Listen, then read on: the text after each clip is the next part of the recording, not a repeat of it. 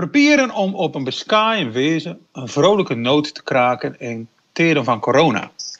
Dat was de laatste weken een beetje mijn missie hier op Urk FM.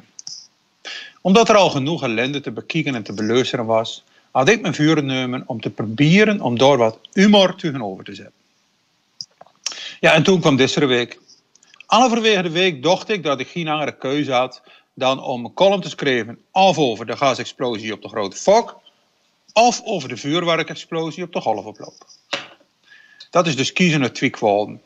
Want probeer daar maar eens een stukje over te maken waarop de mensen zitten te wachten op de kostelijke zaterdagenochtend. Maar net toen ik dacht dat de keuze niet droeviger kon worden, kwam het nieuws van afgelopen woensdag. Vernielingen op begraafplaats de Olkenkamp. Ik was verbijsterd, kwaad. Maar ik voelde ook een soort reddering toen ik de foto zag van een graf van een jongen die nog geen 18 jaar geworden is. Ik bedoel, van zo'n graf kreeg je normaal gesproken al een brok in je keel, toch?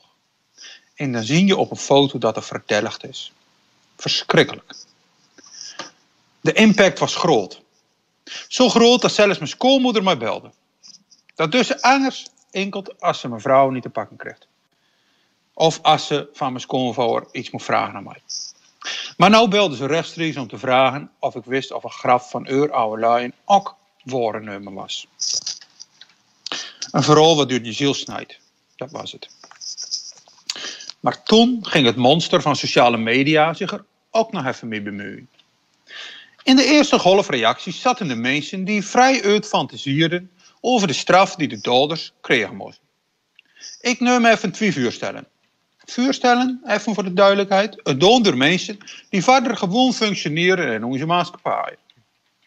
Vuurstel 1. Vastbenen aan een pool op het avondterrein en dan met stienen bekogelen.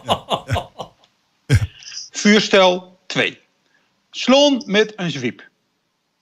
Als ik de woede van dat bericht goed proefde, dan moest het wel een zwiep wezen met van die aakjes eraan. Zo'n IS-zwiep. Een dag later zei de politie dat het uit camerabeelden bleek dat het ging om kinderen in de basisschoolleeftijd. Nou, toen kwam de tweede golf. Mensen geloofden het niet. Want ja, dat kon nooit en uh, de politie zegt wel vaker wat. Een politieke partij had inmiddels opgeroepen om de beelden openbaar te maken. Dat mag vanzelf niet. Maar ja, graven verdelen mag ook niet. Andere partijen hadden trouwens opgeroepen om, let op, de daders snel te venen. Ik neem aan dat ze op een politiebureau heel blij was met die suggestie.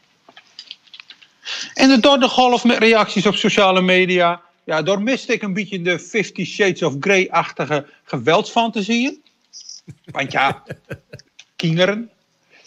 Maar gelukkig, er was een nightmake-punt. De oude lui. Ik deel even drie conclusies met je lui. Conclusie 1. De opvoeding van de nog onbekende oude lui het faalt. Conclusie 2. In de gezinnen was misschien wel sprake van uiterlijk geweld. Wat dan door die kinderen weer of gereageerd moest worden op een begraafplek. En conclusie 3. De opvoeding was op zich niet verkeerd. Maar de kinderen was psychisch dusdanig verrot dat ze maar beter opgesloten konden worden in een gesticht. Of zoiets. Er was een enkeling nog bij die vuurstelde om de jeugdige dochters alsnog op fysiek geweld te tracteren. Maar een creatieve geest vond dat iets te varen. Die stelde weer vuur om de woede even een paar jaar op te sporen en dan de leefstraf pas uit te delen als de daders een kennelijk acceptabele leeftijd hadden van nou, 17 jaar. Ah, ik vond dat wel redelijk. Ik bedoel, in Saoedi-Arabië is de grens voor de doodstraf 16 jaar. Dus dan doen wij met 17 jaar helemaal nog niet zo slecht.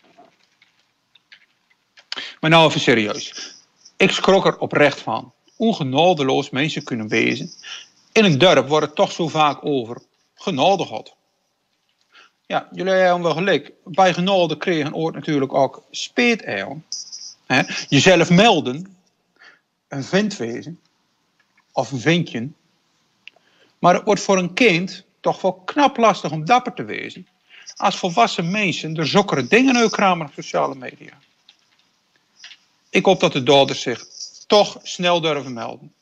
En dat er op sociale media een paar berichten wel worden. Het zou ons mooie dorp een stok mooier maken.